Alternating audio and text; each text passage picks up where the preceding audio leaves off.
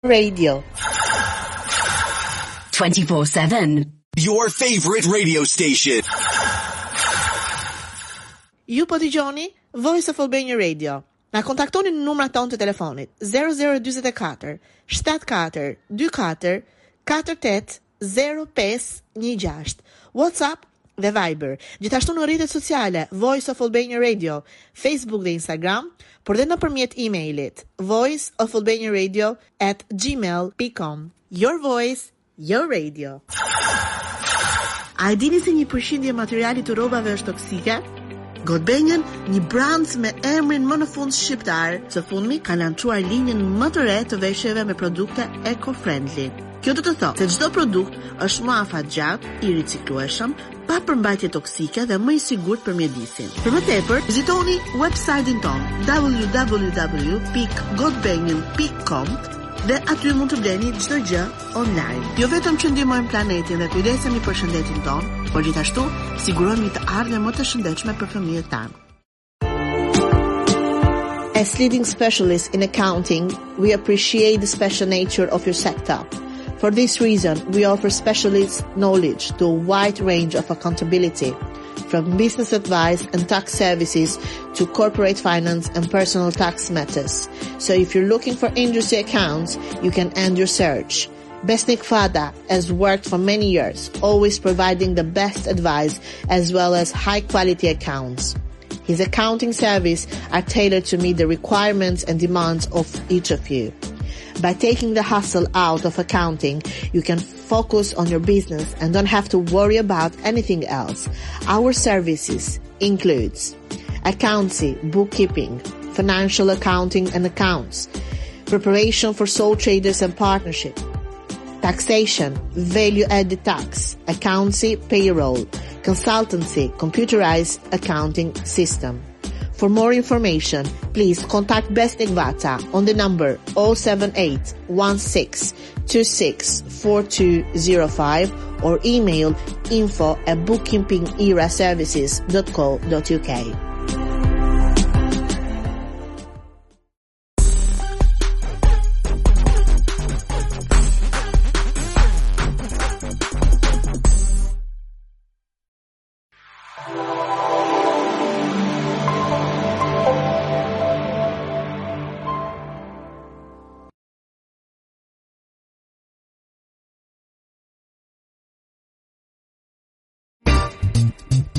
from London to the all Albanian community in UK and around the world. Information, blogs, live shows and more.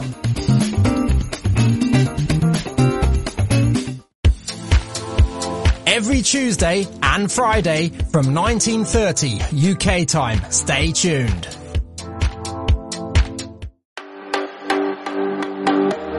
Welcome to the new talk show. Tonight, Chit Chat with Ada. Your voice, your radio.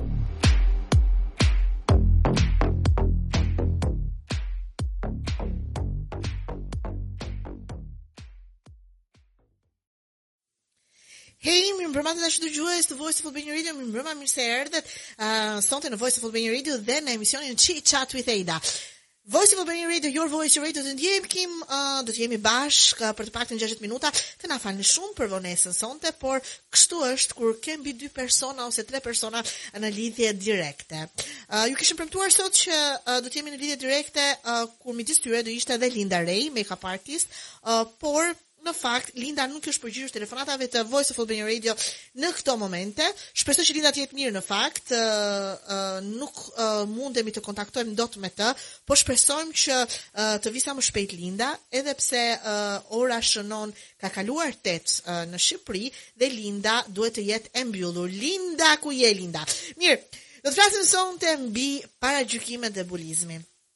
Kemi të ftuar uh, përveçse Lindës, uh, kemi Arbër Kodrën, aktivist, aktivist në LGBT, por dhe Stela Brakaj, e cila është studente.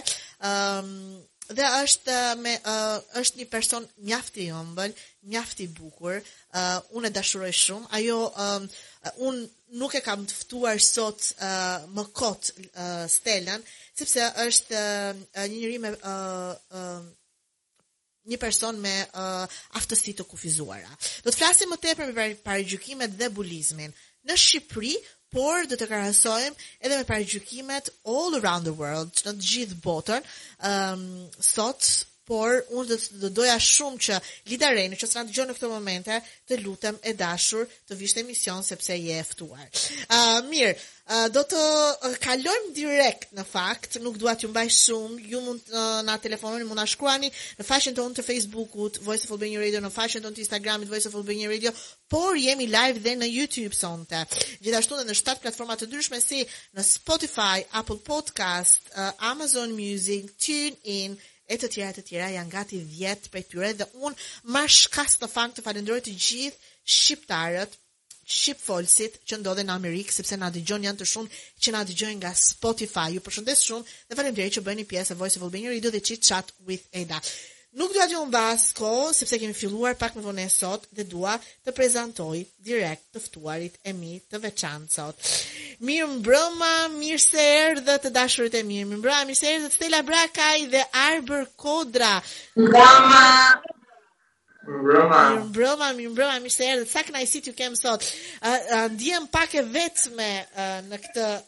në këtë anë, sepse do, do doja të kisha Linda Rein sot, nuk e di ç'është bërë uh, me Lindën, uh, na ka premtuar në fakt që do të jetë në emision dhe ajo ishte uh, tepër entuziaste për të folur sot mbi paragjykimet edhe bulizmin, po ja në fakt që ndodhin këto gjëra. Shpresoj që uh, Linda të jetë mirë me shëndet dhe uh, pse jo nga mesi i emisionit të na bashkohet dhe të flasim së bashku.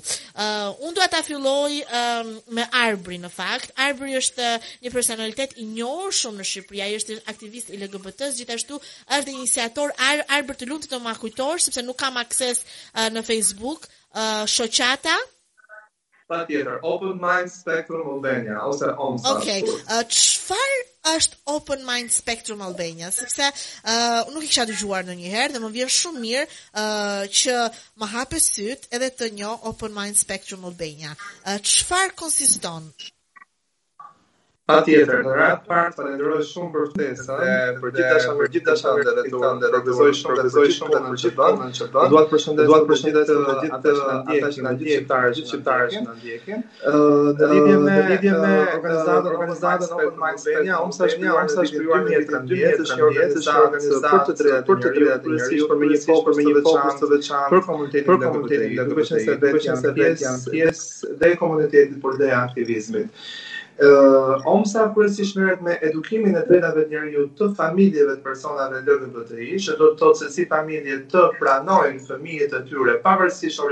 përjetimi seksual, por duke e shtrirë dhe akoma pak më gjerë, se fëmijën mund ta kesh çfarëdo lloj gjëje, po nuk mund ta hedhësh poshtë, absolutisht është fëmija jot. OMSA gjithashtu merret me një program tjetër që ka të bëjë me artivizmin, se si të promovohen të drejtat e njeriut të personave LGBTI dhe të drejtat e grave nëpërmjet art artit, duke qenë se arti si një formë më e zbutur e, e, dhe më e përqafuar më lehtë nga publiku, Gjithashtu dhe një tjetër gjë që OMSA fokusohet është dhe për pjesëmarrjen politike dhe angazhimin qytetar të personave LGBTI në Shqipëri. Mhm. Uh, më vjen mirë, unë të uroj shumë suksese uh, në këtë uh, të rrugtim tëndin Arbër, për t'u hedhur te Stela.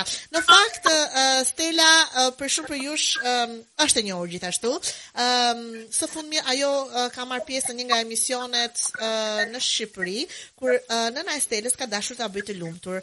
Ëm um, Stela është me aftësi të kufizuara dhe unë uh, nuk dua ta përmend fare sot sepse Stela është si gjithë të tjerët. Uh, Stela është uh, një këngëtare, uh, ka një zë të mrekullueshëm, është dhe studente.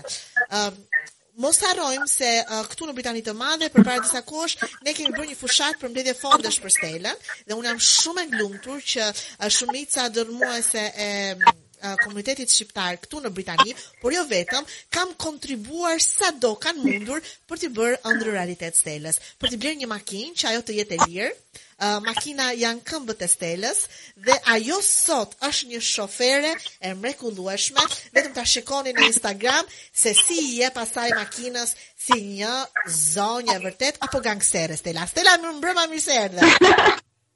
Mirë, Belma, të falenderoj shumë për çdo gjë çfarë the deri tani për mua. Ë, uh, ju përshëndes të gjithëve. Mm -hmm. Dhe faleminderit shumë për ftesën, është një nder i madh për mua. Stella, uh, nuk e besoj që do jesh me emocione sot, se ke kaluar emocione akoma më të rënda, ëh? Jo. Uh, jemi thjesht në një radio. Emocione, jo.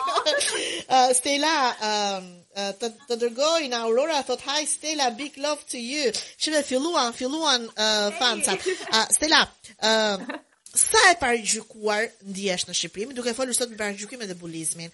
Të fle prakim uh, prekim pak paragjyk, pjesën e paragjykimeve dhe për të kaluar te bulizmi. Se janë të lidhura uh, shumë me njëra tjetrën, po kanë qëllime të ndryshme ndaj personit që është i paragjykuar apo i bulizuar. Më thuaj Stela, sa e vështirë ka qenë për ty dhe dua të më tregosh patjetër më vonë ke pasur një episod me um, personin i cili uh, të ka testuar për patentën dhe do ma tregosh sot dhe për të gjitha ata që të dëgjojnë dhe për atë person që të dëgjojnë në këto momente, sepse aha, të lutem, më thuaj Stela. Atëherë, mund të them se në fillim ka qenë shumë shumë e vështirë. Do të thotë që shkoja çfarë do lloj gjëje që doja të bëja, e ndjeja shumë sepse njerëzit shikonin shumë të çuditur. Do të thënë, u dukej që një person me aftësi të kufizuar, dukej sikur nuk kishin parë ndonjëherë. Kam pasur jo vetëm incidentin e patentës, kam pas edhe incident uh, nëse nuk gabojmë në vitin e parë në gjimnaz, uh, kam dashur dashur të vazhdoj për shkollë muzike, duke qenë se unë këndoj. Mhm. Edhe mm, ëndra ime realisht ishte të vazhdoja për kanto. Shkova te shkolla bashkë me mamin dhe në momentin që do regjistrohesha, mm, drejtori i shkollës më pa dhe më ka hedhur një shikim nga koka te këmbët edhe tha nuk kemi ne vende për këtë, tha.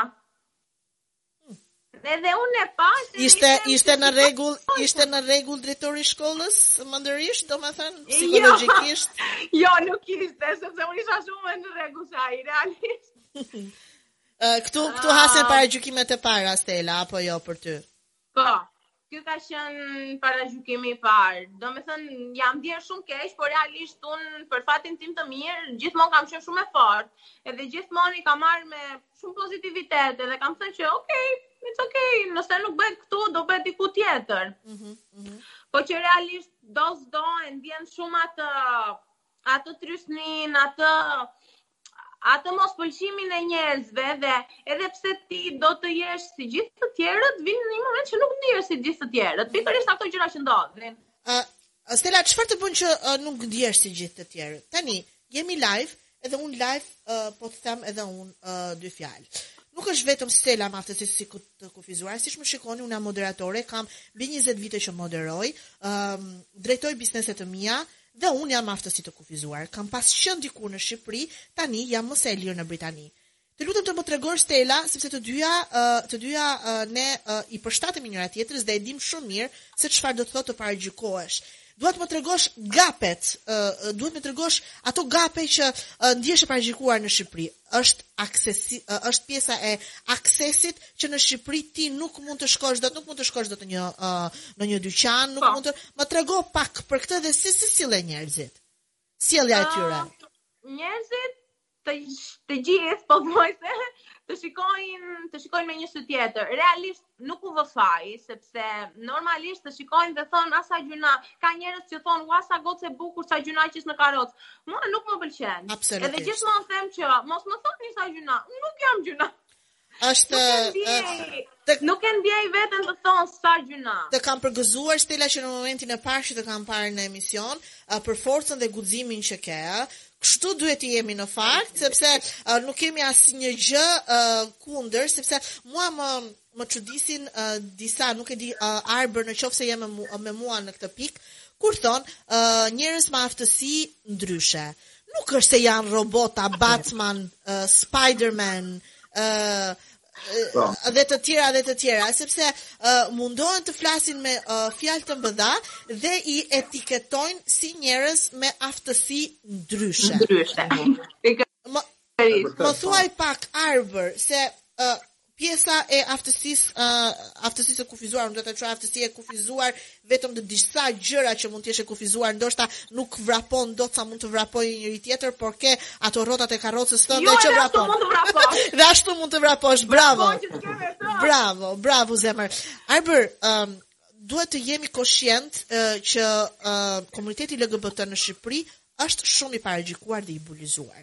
Dua të më tregosh pak ndryshimin midis bulizimit dhe paragjykimit.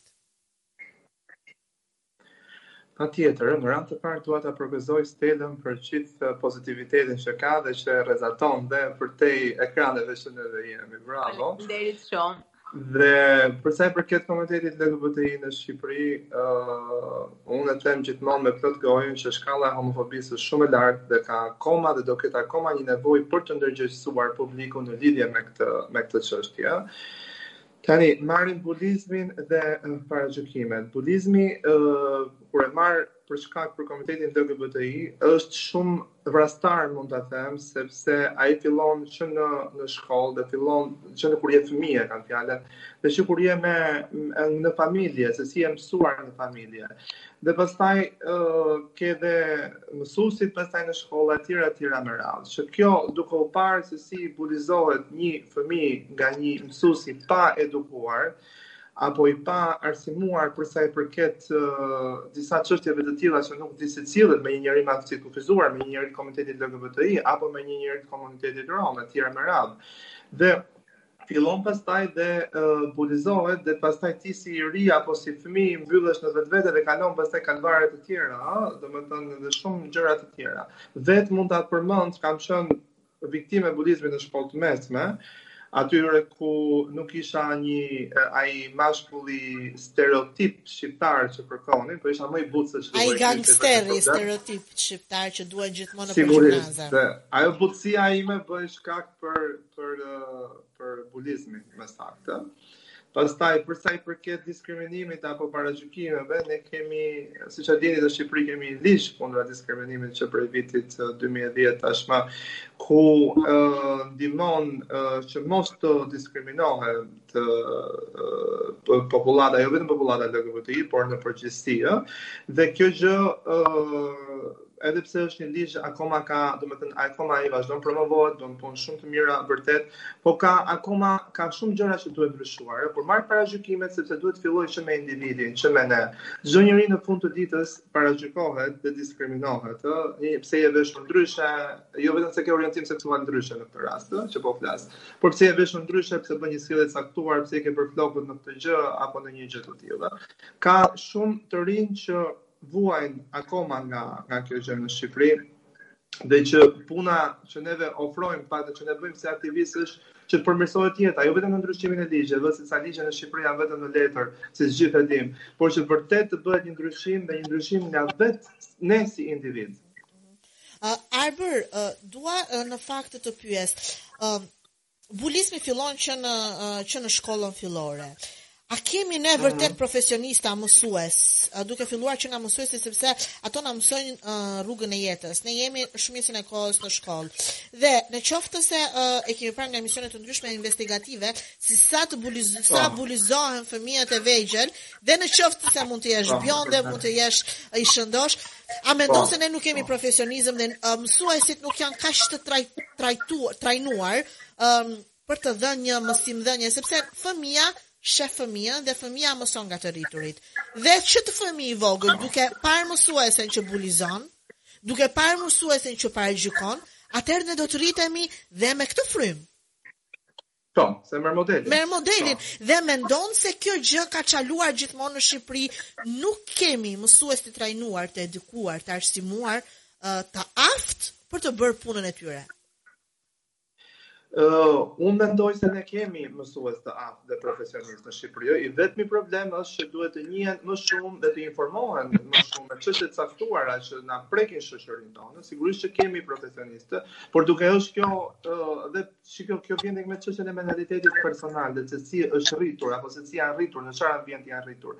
Por duket mund ka shumë mungesë informacioni, ëh, ka vërtetë dhe kjo është një nga gjërat që ne ne uh, flasim për faktin e edukimit se sa e rëndësishme është që të kemi edukim dhe të kemi një informacion më të mirë edhe për këta mësues, që mos të bëhen pastaj viktima të këtyre emisioneve investigative që ti përmende, apo apo shumë shumë gjëra. Pastaj ka edhe nga ato që nuk duan të ndryshojnë dhe s'kemi ça i bëjmë, se ashtu e mendon. Domethënë aty pastaj ka organe të tjera që merren, po unë mendoj se informimi ka shumë mungesë informacioni. Në fakt do të kaloj te Stela kur uh, dikush më shkruan parukeria të ka po thotë çdokush duhet të pranojë veten, jo ta pranojnë të tjerët. Çfarë mendon ti me këtë me këtë thënie e dashur? Jam shumë dakord. Ë Jam maksimalisht dakord. Po pranove veten, mhm. është çelësi i çdo gjëje. Kur pranon veten, fillon nuk të mërzit më një gjë, nuk të mërzit më një gjë tjetër, sepse normalisht shikime dhe paragjykime do ketë gjithmonë. Mhm. Mhm.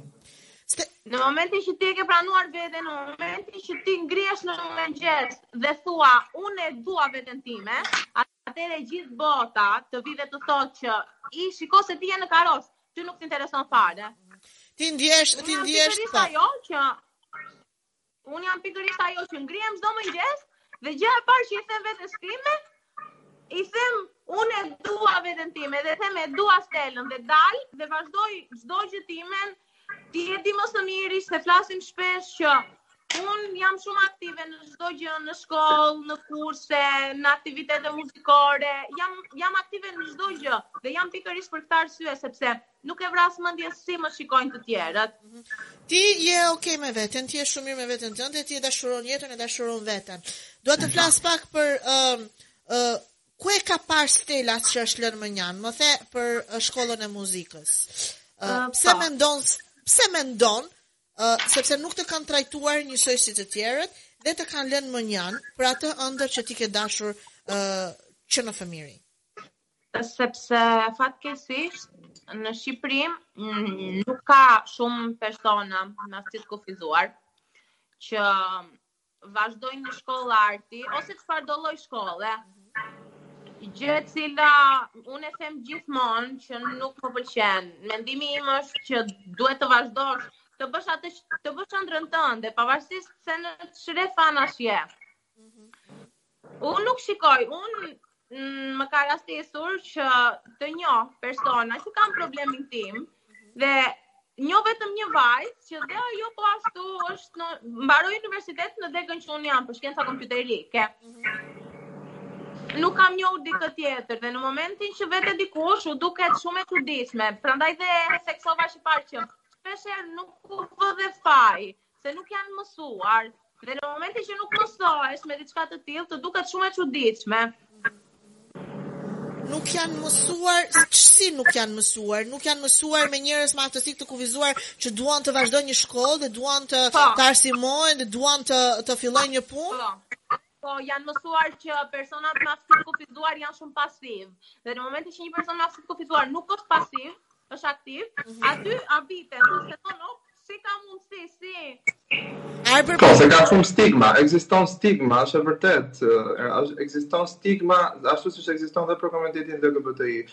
Që të shohin vetëm nga një anë tjetër, nuk të shohin si një njeri që ti mund të jesh i shkolluar apo me një punë të mirë apo po. me me të gjitha karakteristikat e një njeriu normal, se gjithë jemi njerëz normal fundja, po jo jo nga ana, jo vetëm nga ana për shembull marr anën tonë, që s'të shihet shumë ana seksuale që është gjë shumë personale, Dhe Stela ka të drejtë që thotë nuk janë mësuar, po, nuk janë mësuar me të ndryshmen, nuk janë mësuar të shohin realitete të ndryshme, por vetëm atë në atë pjesën që ka vendosur atë rregull. Janë atë kornizë, Arbi janë brenda po. kornizës, ë, janë brenda kornizës. Kornizës. Ndoshta jemi një popull me një mentalitet shumë të varfër dhe të vjetër që mos të shikojmë këto, mos të pranojmë këto ndryshime, sepse për të shikuar i shikojmë, po mos të pranojmë këto ndryshime. Hyn pjesa e mentalitetit këtu Arbër? Hyn shumë pjesa e mentalitetit dhe unë e përdor gjithmonë sepse them, nëse një njeri i nëse nëse do të binte një fëmijë i komunitetit LGBTI, do bëjë, do do bëjë, ashtu ka lindur. Do ta hidhje në rrugë, jo se edhe në rrugë, se është fëmija jot. Dhe me ky mentalitet, është një mentalitet shumë vrastar të vret sepse për prindin apo për ne në popullin që ka kemi këtu dhe për çfarë mendojnë shumë se çfarë do mendojë tjetri, komshia i jashtë apo apo ku di unë se çfarë. Po jeta është një, edhe nuk mendoj se duhet menduar në këtë lloj në këtë lloj forme, ha. Dhe siç e tha dhe Stela, Stela të përgëzoj për atë shtesë dhe dua të ndalem ku njeriu uh, kur je mirë me Veten tënde vërtet që nuk ta ndjen për asgjë tjetër, sepse ai është çelësi dhe the një gjë shumë të bukur, është një çelës të duash veten dhe ta pranosh veten ashtu siç je. Sepse dhe të tjerët te të tjerët do manifestosh atë pozitivitet dhe atë dashuri për jetën, ku do jetë shumë e mirë pastaj. Por mentaliteti era është diçka që po shumë persona i vret, shumë, domethënë shumë familje, shumë i vret i shtyp brenda vetes, ë, domethënë për mos të pranuar atë gjë. Ë, uh, më saktë uh, kur uh, dy prindër ë uh, uh, kuptojnë që fëmija e tyre është ë uh, i i grupit LGBT, atëherë uh, gjëja është vrastare dhe unë nuk e kuptoj sepse për dy prindër sepse fëmija të duhet si me aftësi të kufizuar, Si ndryshe? Si në po, qoftë se po. brenda një mashkulli është një femër, ose brenda një femre është një mashkull, ashtu të ka krijuar Zoti në fund të fundit, dhe ti ashtu do të sillesh, sepse nuk mundesh dot të sillesh. Por Arbër dua të ndalohem te uh, aktivistët e uh, LGBT-s kur shpesh herë jeni akuzuar se uh, kërkoni më tepër të drejta se sa duhet, dhe uh, i jepni shumë rëndësi vetes, uh, duke bërë këto manifestimet, duke dalë nëpër rrugë kur keni um, uh, është data nuk e mbaj mend në nëntor më duket 17, 17 maj. Okej, okay, është është tani që vjen.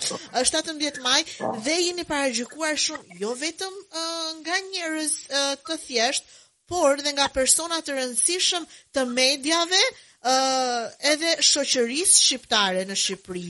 Pse ndodh kjo? Po. Që fundi fundit çfarë jeni duke bërë ju keq që i vrisni ato dhe paragjykoni dhe uh, keni kanë arritur deri aty kur thonë që ju po kërkoni më tepër se sa se çfarë duhet sepse ju i keni çdo gjë, juve nuk po ju ndalon njeri dhe pse ju keni këto manifestime të kota? Më thuaj pak.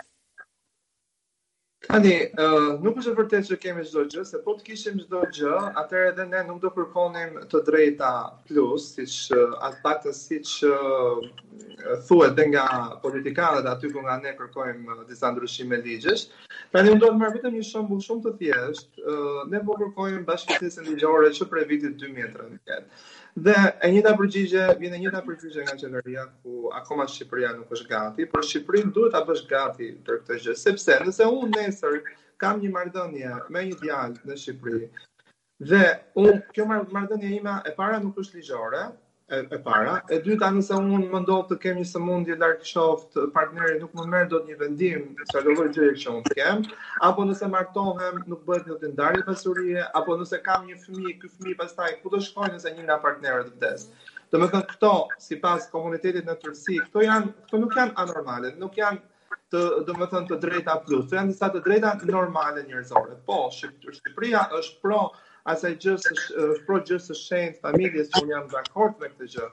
por dhe dhe ne familje kërkojmë, ë, dhe ne, është ajo dashuri që ne t'i kemi dhe të na plotësohen këto të drejta që ne kërkojmë. Manifestimet publike pastaj siç janë paradat apo aktivitetet e ndryshme që ne bëjmë. Kjo është një e, për të treguar që ne jemi këtu, por të kemi atë dukshmërinë që ta dhe stela që nuk janë mësuar, po duke parë, duke u mësuar, ne jemi një lëvizje 10 vjeçare, dhe ne kemi lëvizje në Amerikë që është 50 vjet. Ka akoma probleme dhe në Amerikë. Dhe ne jemi lëvizje 10 vjeçare ku homoseksualiteti kriminalizohej deri para vitit 95. Në 95 është dekriminalizuar, prandaj dhe këto gjëra bëhen që ne të kemi të drejta të barabarta, nuk kërkohet asgjë më shumë. E vetmja gjë që unë s'ndalem dhe që e them, është ai mentalitet që ti shikohesh vetëm njeri nga ana si njeri nga ana seksuale. Nuk shikohesh një njeri që je një njeri Me të drejta të plota, që je një njeri normal siç e thash më përpara, por duke u parë se çfarë bën ti në krevat, kjo është gjëja që i shqetëson, gjë që është shumë personale, se me kë fle ti, se me kë fle unë gjithë. Që nuk ndodh vetëm me nuk ndodh vetëm me komunitetin tuaj, por ndodh me gjithë secilin nga ne në fund të fundit. Të kanë të njëjtën kanë të njëjtën imagjinat për ju, për Stelën, ndoshta për një njeri të të tyre dhe duan të dinë akoma më tepër. Dhe kjo gjë na pengon të ecim përpara.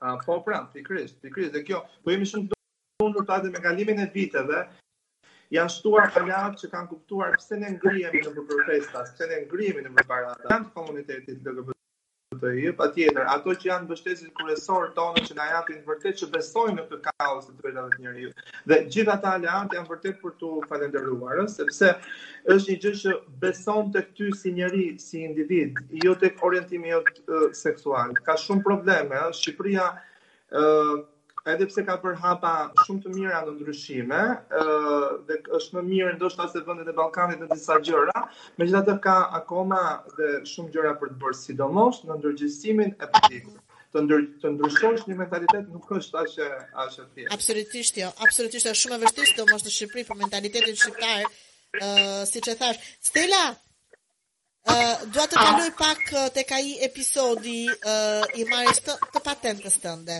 Dua që ta ndash me gjithë publikun tani.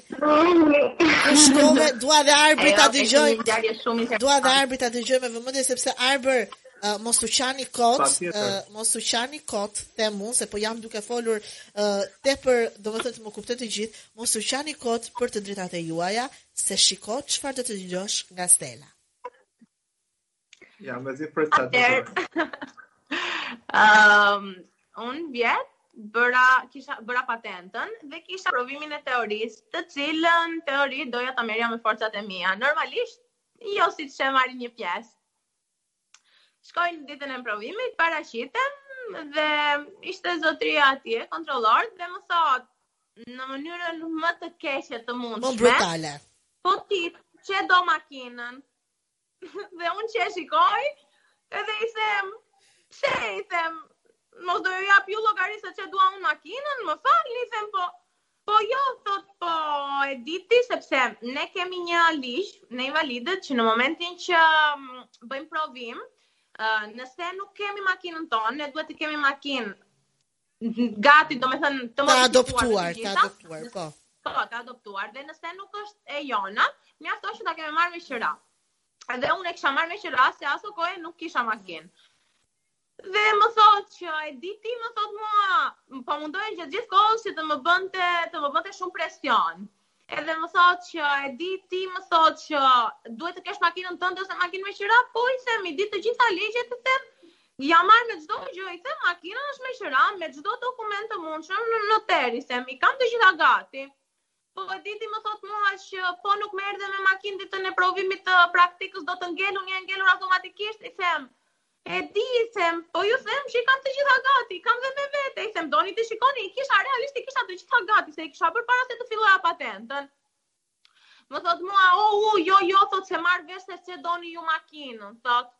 Do me thënë, një person me aftësi të kufizuar kërkon të drejtën e vet, sepse ajo makinë është jeta për të qenë i lirë, dhe ai të thotë ç'të duhet ty makina. Pikërisht. Dhe të paragjykon. Po, po. dhe të paragjykon pa baza, se të të paragjykojnë mbi baza të ndryshme, thua dhe po hajde se është mentaliteti. Po të paragjykojë pa baza, kjo është një ignorancë. Po unë, unë e them që është ignorancë, e kam thënë edhe... Uh, Dhe... Aurora Gani thot Stila më bëre të qesh me injorantët. Vazhdo Aurora se ka akoma, vazhdo Stila se ka akoma më tepër. Unë kam qarë shumë atë ditë. Oh. Uh, Mbas asaj u futa në provim, ngela, ngela vetëm nga presioni psikologjik që më bëri, sepse përveç asaj filloi më nxirrte probleme, jo po nuk ke kryqin e kuq, gjë të cilën e kisha, dil jashtë nga provimi, duke më bërtitur sikur unë isha, sikur unë kisha bërë ndonjë krim edhe po shkoja atje për të dhënë provimin. Dhe gjithsesi ngela herën e parë, vete mbas një jave, mos gaboj, për të dhënë për herë të dytë provimin. Vete më fillon të njëjtën gjë, po herën e dytë vajta me aq shumë forcë, sa që thashë do t'i them dhe unë në mënyrën më të keqe dhe le të bëhet çfarë të bëhet. Bravo. Dhe vete dhe i them, zotri i them, ti mund të flasësh sa duash i them, mua nuk më intereson, unë nuk t'jap lek, i them, unë provimi do ta marr vetë, i them, unë jam, po, jam vërtet invalide, i them, po ama unë e dua makinën. Edhe ty nuk ka ç'të duhet, i them, se për ça e dua unë makinën, mase unë dua të ndroj makina çdo muaj, ç'të duhet ty? Më pa mua qeshi me ironi, ulu ulu në provim, thot mua. Futem në provim, e marr provimin dhe në momentin që mbaroj provimin, vete i afrohem edhe i them e mora. Ndenja kastile e fundit, unë pyetjet i kisha bërë dhe lashë vetëm një pyetje për të arritur afatin orar në fund. Se doja shumë që të isha e fundit. E, e bëra dhe pyetjen e fundit dhe vete i drejtohem edhe i them, e shikon, i them, e mora dhe e mora me forcat e mia i them, edhe pse jam në karrocë i them. Bravo. Bravo. Qeshi me ironi, edhe mbas asaj ika. Tani që mora makinën, Uh, më kishin nxjerrë po ashtu një problem me patentën dhe vete dhe ishte prapë zotëria në fjalë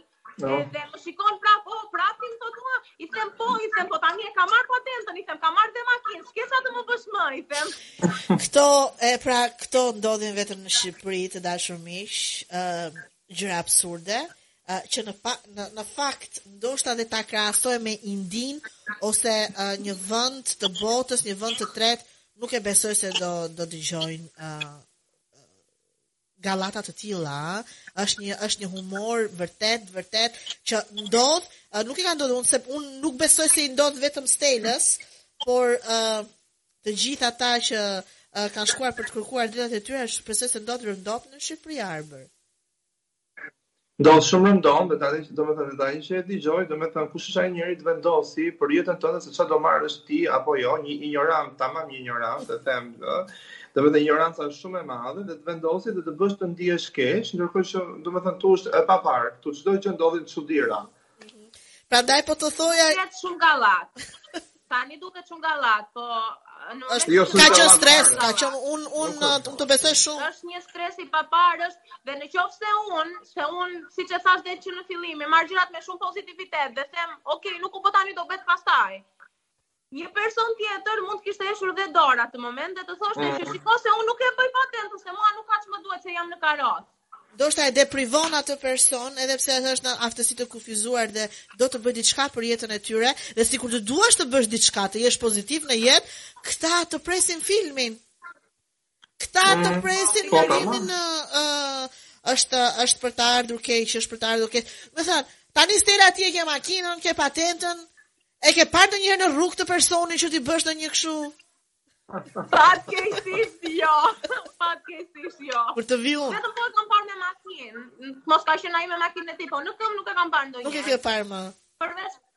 Përveç rastit që shkova për patentën, edhe për që shkova te kjo, domethënë kur bleva makinën, edhe e pa, më pa dhe mua, më pa dhe me makinë, po më shikon, edhe unë që po e shikoj edhe vetëm po i qesh, ja. O, uh, një herë tjetër do marrësh Arbrin, do marrësh dhe mua dhe do të shkojmë aty, atyre për do të shkojmë për patentë po. si unë si Arbri. T'i themi që jemi duke aplikuar për patentë. Të shohim një herë se po. çfarë do na thonë neve. Arbër i dashur, çfarë duhet të bëjmë me këto persona që mua nuk më mua më duket absurde, sinqerisht ndoshta kam kam vite uh, rreth 20 vite vite që jetoj në Britani dhe më duket shumë absurde.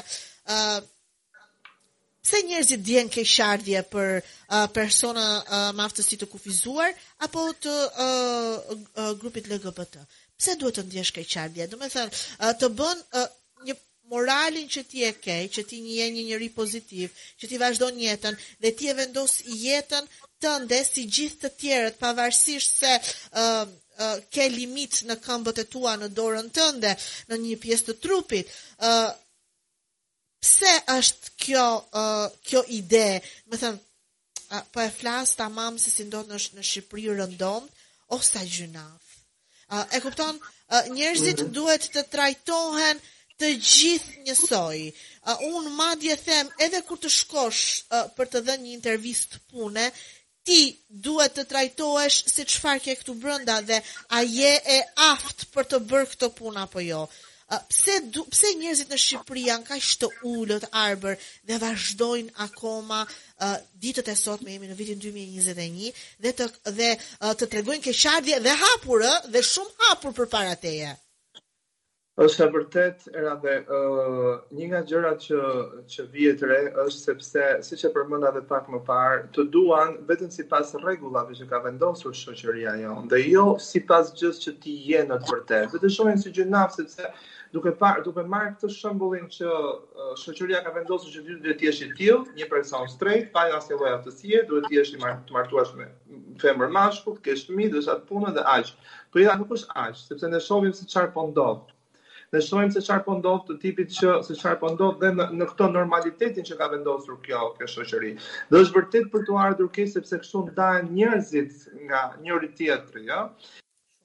Dhe nuk nuk shikojnë atë potencialin që ti ke si njeri, por shikojnë vetëm atë anën që të vjen gjynah sepse je rom, sepse je me aftësi të kufizuar, sepse je gay apo ku di unë, është shumë gjëra, është shumë gjëra të tjera.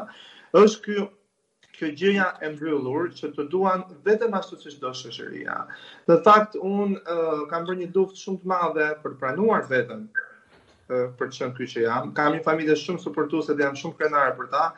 Por uh, të pranohesh në një shoqëri uh, siç janë shoqëria jonë, uh, është vërtet shumë e vështirë dhe sidomos të pranosh të pranosh diçka që është ndryshe nga e jotja dhe kur them ndryshe nga gjëja normale e kam fjalën, siç e përmend edhe ti ne jemi në vitin 2021 dhe ti paragjykohesh akoma, domethënë ne për, nga takimet për shembull ja të përmend diçka shumë konkrete. Kam bërë disa, kemi bërë si organizatë më saktë në 7 qytete të Shqipërisë trajnime për të ndërgjegjësuar të rinjt të forumeve rinore politike. Të rinjë, janë më të rinjë se mua. Dhe aty është vënë re përveç se uh, kanë dëshirë për të bashkëpunuar, por është vënë re që secili vend dhe secili qytet ka një mentalitet brenda atij qytetit që jeton, përveç mentalitetit tonë të madh shqiptar. Dhe ai mentaliteti i tyre brenda është një mentalitet shumë mbytës, sepse ai thotë unë s'mund të rri me kaurën se s'më lë mami, apo ku di unë gjëra të tjera. Një vajzë thoshte unë jam 30 vjeçë dhe duhet të pyes babin para se të marr një vendim, ta bëj apo mos ta bëj. domethënë shih neve ku jemi. Të mendosh pastaj për martesat e civilizuara për për homoseksualitetin apo për gjëra të tjera me radhë, domethënë jemi way too far, jemi pak larg dhe mendoj mendoj nganjëherë po kur do ndryshohet kjo gjë, sepse po nuk e ndryshuam ne që jemi të rinj dhe ne që i bëjmë diçka që ta shohim vendin tonë të rinj, të të mirë dhe të ndryshojë, më vjen shumë keq kur të rinjtë lënë Shqipërinë, të them të drejtën. Po nëse e lë për një jetë më të mirë dhe për një gjë sepse fundi një jetë ke. dhe një jetë do ta jetosh, do ta jetosh ashtu siç të ka lindur ty Zoti dhe ashtu siç të ka sjellë në këtë jetë. Sepse ne kemi ekzistuar dhe do ekzistojmë gjithkohë. Gjithçka lind me njerëzimin e do vdesi bashkë me njerëzimin. Po po nuk ne nuk nuk nuk mos ta diskriminojmë njëri tjetrin, ta duam njëri tjetrin ashtu siç jemi. sepse jemi një shoqëri tej mase diskriminuese. Këto ndodhin rëndom vetëm uh, në zonat rurale Arbër apo e sheh dhe në kryeqytet në mes të Tiranës?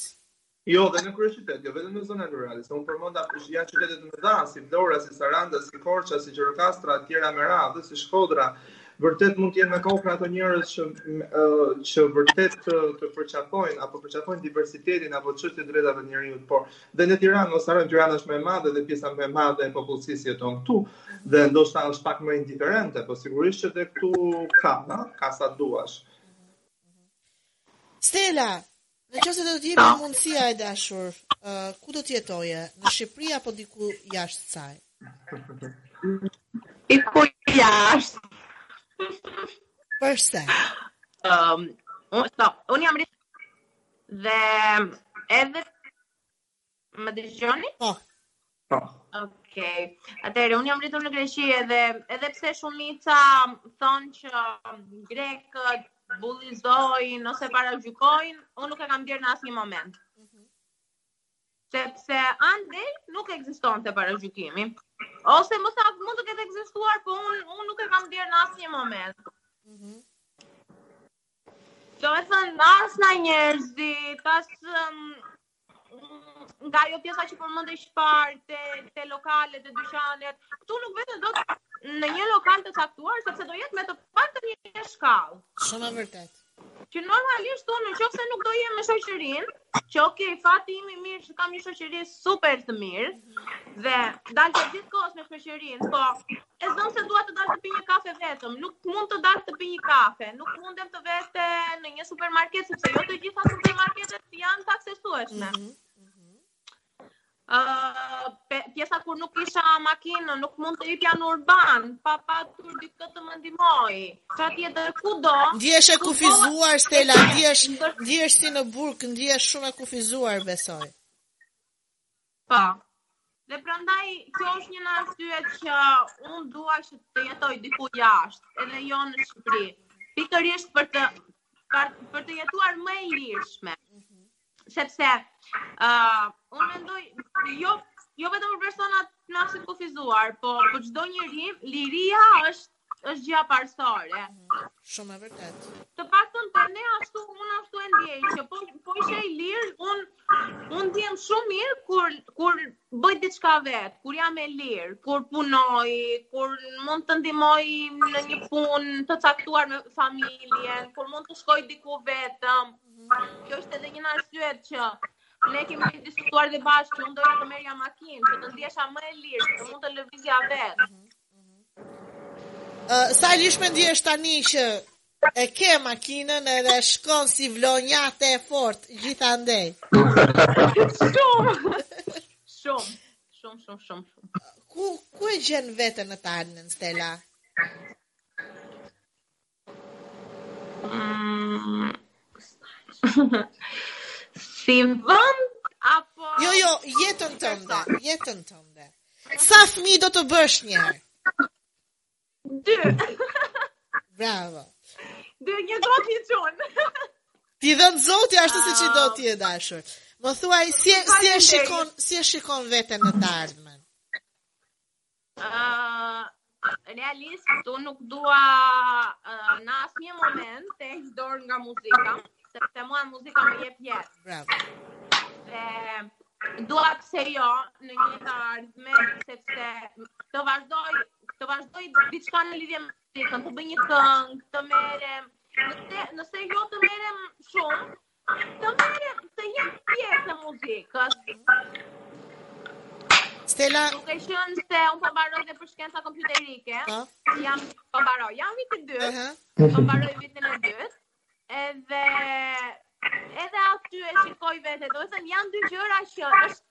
Jam midis informatikës dhe muzikës. Aha, aha, bravo.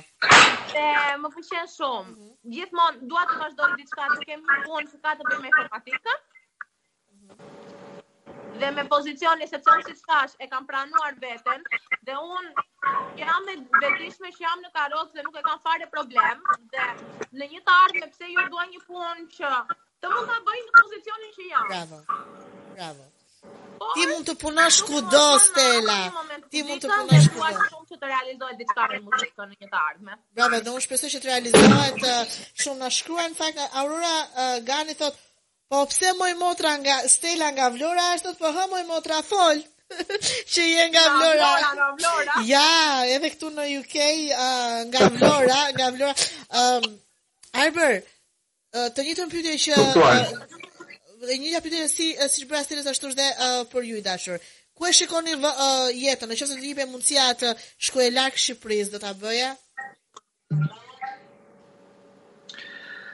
Uh, për diçka më të mirë, po, edhe pse vendin tim më pëlqen, e them gjithmonë e dua vendin tim, por për diçka më të mirë dhe për diçka që funksionon më ndryshe, po pse jo.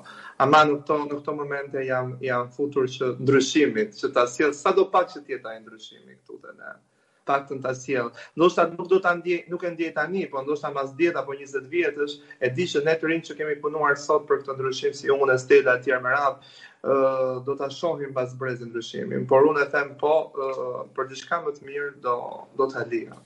Çfarë duhet të bëjmë Arbër të japim fund paragjykimeve? Bulizmi do të do të ekzistojë dhe shumë kohë. E bulizmi ekziston në Londër, në Britani, në të gjithë botën. Sigurisht, gjithandej. Gjithandej, pavarësisht se punohet shumë, janë mhm. ndërmarrë fushata të ndryshme kundra bulizmit, nisma të ndryshme kundra bulizmit, këtu të paktën në Britani po. janë ligjet të cilat e dënojnë bulizmin dhe për një gjë po. të vogël ndoshta në uh, shkollën e, e fëmijës në qoftë se ti si nënë je uh, e preokupuar se fëmija juaj uh, fëmija po bulizohet atëherë ti mhm. e di ku ta ngresh zërin dhe e di ku të shkruash ndryshe në Shqipëri tash bulizmi do të ekzistojë gjithmonë sa kohë që ekziston njerëzia, por çfarë do të çfarë do të bëjmë që të të largojmë paragjykime, çfarë duhet të bëjmë ne si shoqëri që të shohim njeriun, të shohim njeriun dhe jo çfarë ai bën dhe çfarë ai është.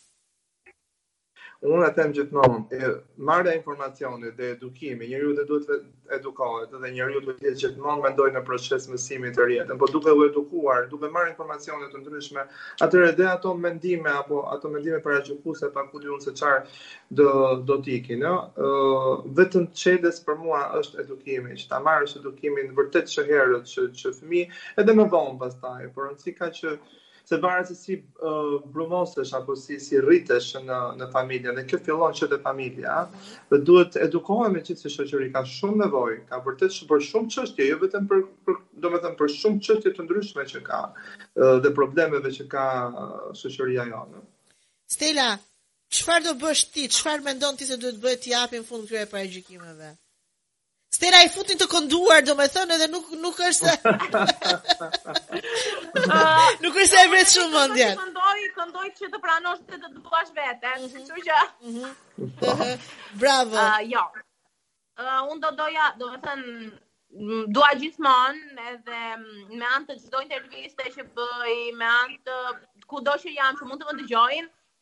është ndoshta un paragjykimet paragjykimet siç e thashë se çfarë nuk mund t'i ndaloj as bullizmin nuk mund ta ndaloj ama uh, mund të jap mesazhin që mos ta vrasësh mendjen për këto diçka ndryshe nga çfarë tha Arbri që t'i të, t'i edukojmë Unë këtë nuk e di nëse mund ta bëj, flas për për pjesën time, personat me aftësi të kufizuar, por Mund të bëjmë këtë që të japim atë mesazhin që të gjithë, të gjithë, të gjithë ta duan veten. Mhm. Dhe ta themi më më më shqip, mos ta çajnë kokën se ça mund të thonë të tjerët, sepse në fund të fundit nuk po thon vetëm për për ne, nuk po thon, po thon edhe për një njeri që mund të jetë shumë normal. Mhm.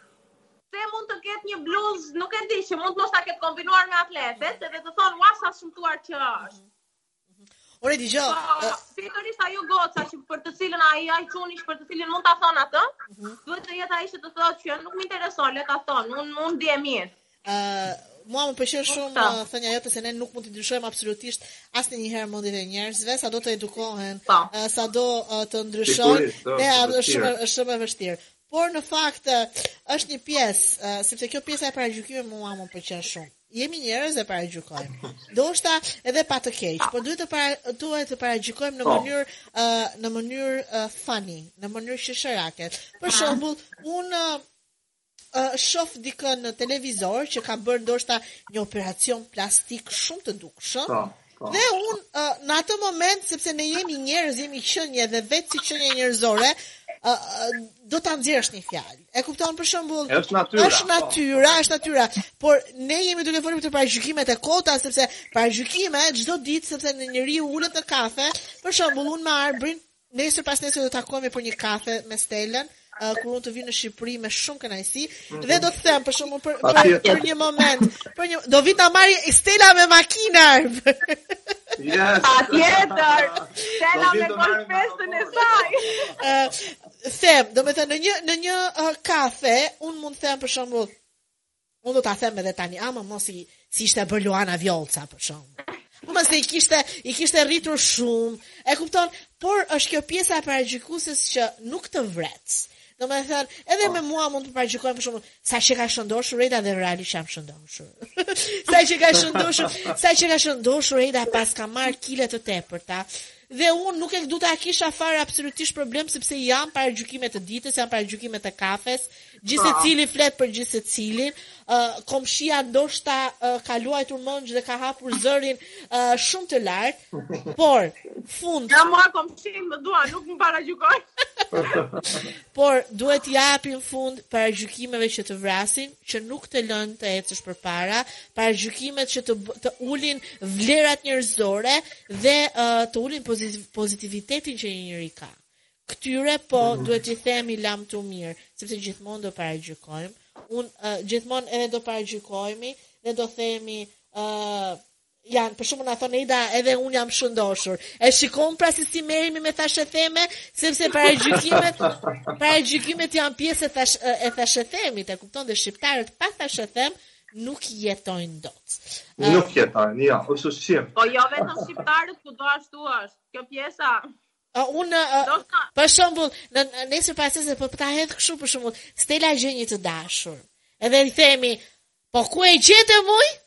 Po ku e gjete moj? Po një më të mirë se ty të kemi një alamet vajze, e kupton? Po ja, gjithmonë. prandaj nuk gjej, unë, prandaj nuk dua të dashur që mos të më thonë pse e gjete kështu. të vdesur. Mirë, ëm um, Unë eh, nuk e di nëse çfarë do të shtoni gjë tjetër, Arbër, unë do të isha shumë e lumtur të bashkëpunoja me ju, ëm ehm, të bashkëpunoja me nismën tënde që e ke filluar prej kaq kohësh. ë eh, do isha shumë e lumtur si uh, drejtuese Voice of Albania Radio, si pjesë e stafit të saj, uh, që gjithmonë të bashkëpunonim dhe të nxirrnim në pah të gjitha temat që na shqetësojnë aktualisht, sepse Patjetër. Sepse uh, duhet të na dëgjohet zëri dhe uh, duhet uh, jo vetëm uh, uh, grupit LGBT, jo vetëm po. personave me aftësi të kufizuar, jo vetëm atyre që kanë një ngjyrim tjetër, ndoshta Gypsy Roman, um, e të tjerë, por të gjithëve në këtë botë duhet të na dëgjohet zëri për tema të ndryshme, sepse jemi qenie njerëzore dhe e kemi të padiskutueshme uh, mënyrën se si ne jetojmë. Jetojmë për vete, jetojmë për qejfin tonë, për jetët tona dhe askush tjetër mos të na ndërhyjë. Ndoshta vetëm Zoti, ato që besojnë në Zot, por asnjeri tjetër mos të lejojmë të na ndërhyjë në jetët tona, në jetët tona të mrekullueshme, ha? Tamam. Patjetër që jam shumë i hapur pro dhe pro bashkëpunimit për çfarëdo lloj uh, teme të tillë dhe më ke hapur në çdo të hapur në çdo moment. Stella e dashur, një mesazh për të gjithë ata që të kanë dëgjuar sot dhe që janë në pozicionin tënd sepse janë të shumtë Stella, ndoshta ti në në uh, Vlorë nuk njeh shumë, por ta siguron Jeda që në të gjithë Shqipërinë janë të shumtë Uh, ja, janë të ah. ngujuar në vende të ndryshme, ndoshta në vende rurale uh, që nuk munden dot të bëjnë jetën tënde. E, e, Stella ke një jetë të mrekullueshme dhe shijoje deri në fund, sepse fundi fundit je e zonja vetes. Ka nga ata që janë lënë ka nga ata që janë lënë mbas dore, ë uh, nga i shteti, administrata, uh, nga njerëzit, nga familja, ë uh, sepse ashtu ë nuk i duhen njerëzimit. Më thuaj një mesazh tëndin të fundit e dashur për të gjithë ata që të dëgjojnë edhe që ti je inspirimi i tyre. Ë në radhë të parë të gjithë besoni në vetvete. dhe në forcën që ju keni, sepse të gjithë ne jemi shumë të fortë. Edhe pse nuk e shfaqim dot gjithmonë edhe unë nuk kam dhe unë ato momentet e mia që qaj por ama kemi shumë forcë. Shfaqeni, mundohuni gjeni forcën brenda vetes. Dhe si të thashë,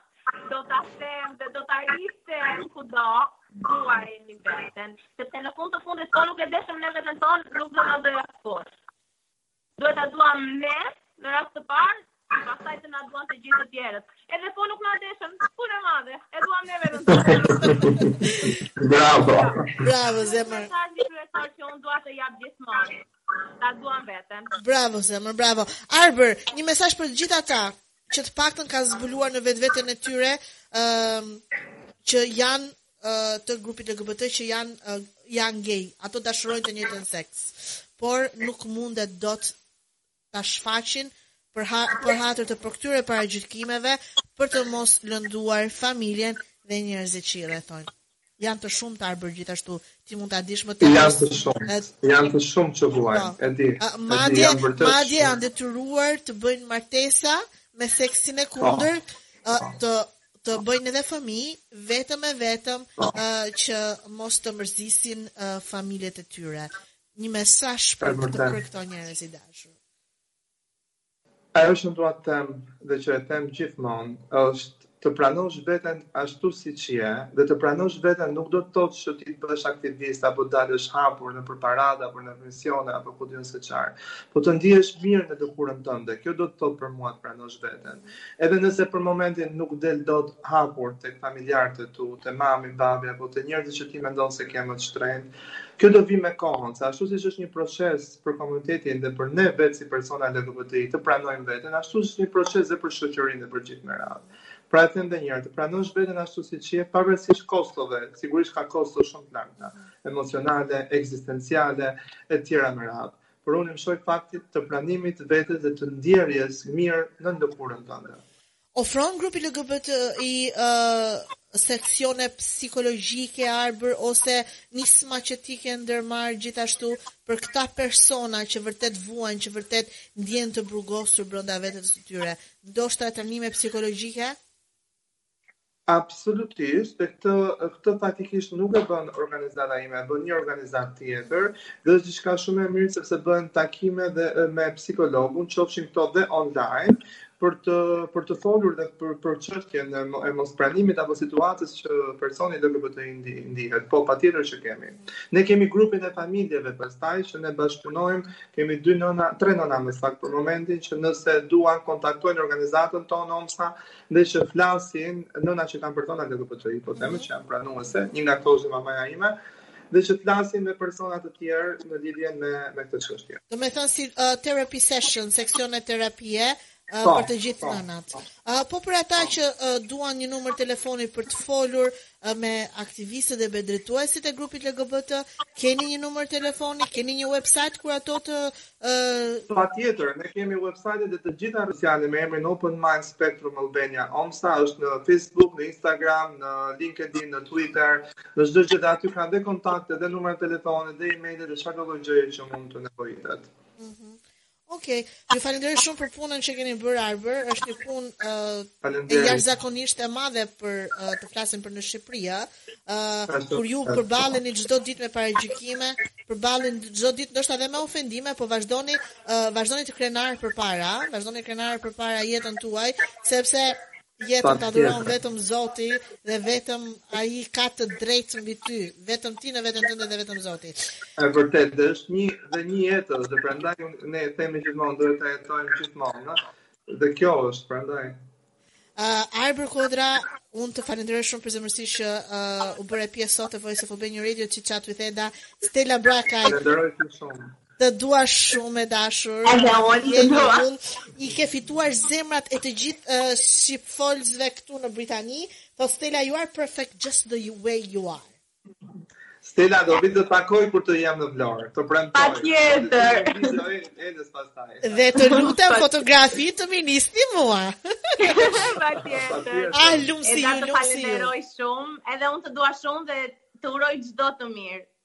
Faleminderit shumë ne kshu e mbyllim emisionin tonë për sonte. Unë ju lë takim gjithmonë të martën me një të ftuar tjetër të radhës. Nga Voice of Albania Radio dhe Chit Chat with Eda ju falenderojmë shumë shumë shumë shumë sepse më keni bërë me emocione sot. Unë jam ndjerë shumë mirë në bashkëbisedimin e të ftuarve të mi. Dhe na shkruani dhe na sugjeroni tema të ndryshme që ne duhet të flasim dhe të diskutojmë patjetër këtu në Britani, por që normalisht dëgjohemi në dhjetë platforma të ndryshme aty ku flitet shqip. Nga gjithë stafi i Voice of Albania Radio, nga unë Eda, duajeni veten, jini të lumtur sepse jeta vetëm një herë uh, të vjen mhm. në uh, të vjen dhe Zoti ta dhuron vetëm një herë. Duajeni, duajeni, duajeni njëri tjetrin. Natën e mirë dhe do të ritakohemi sërish të martën. Natën guys.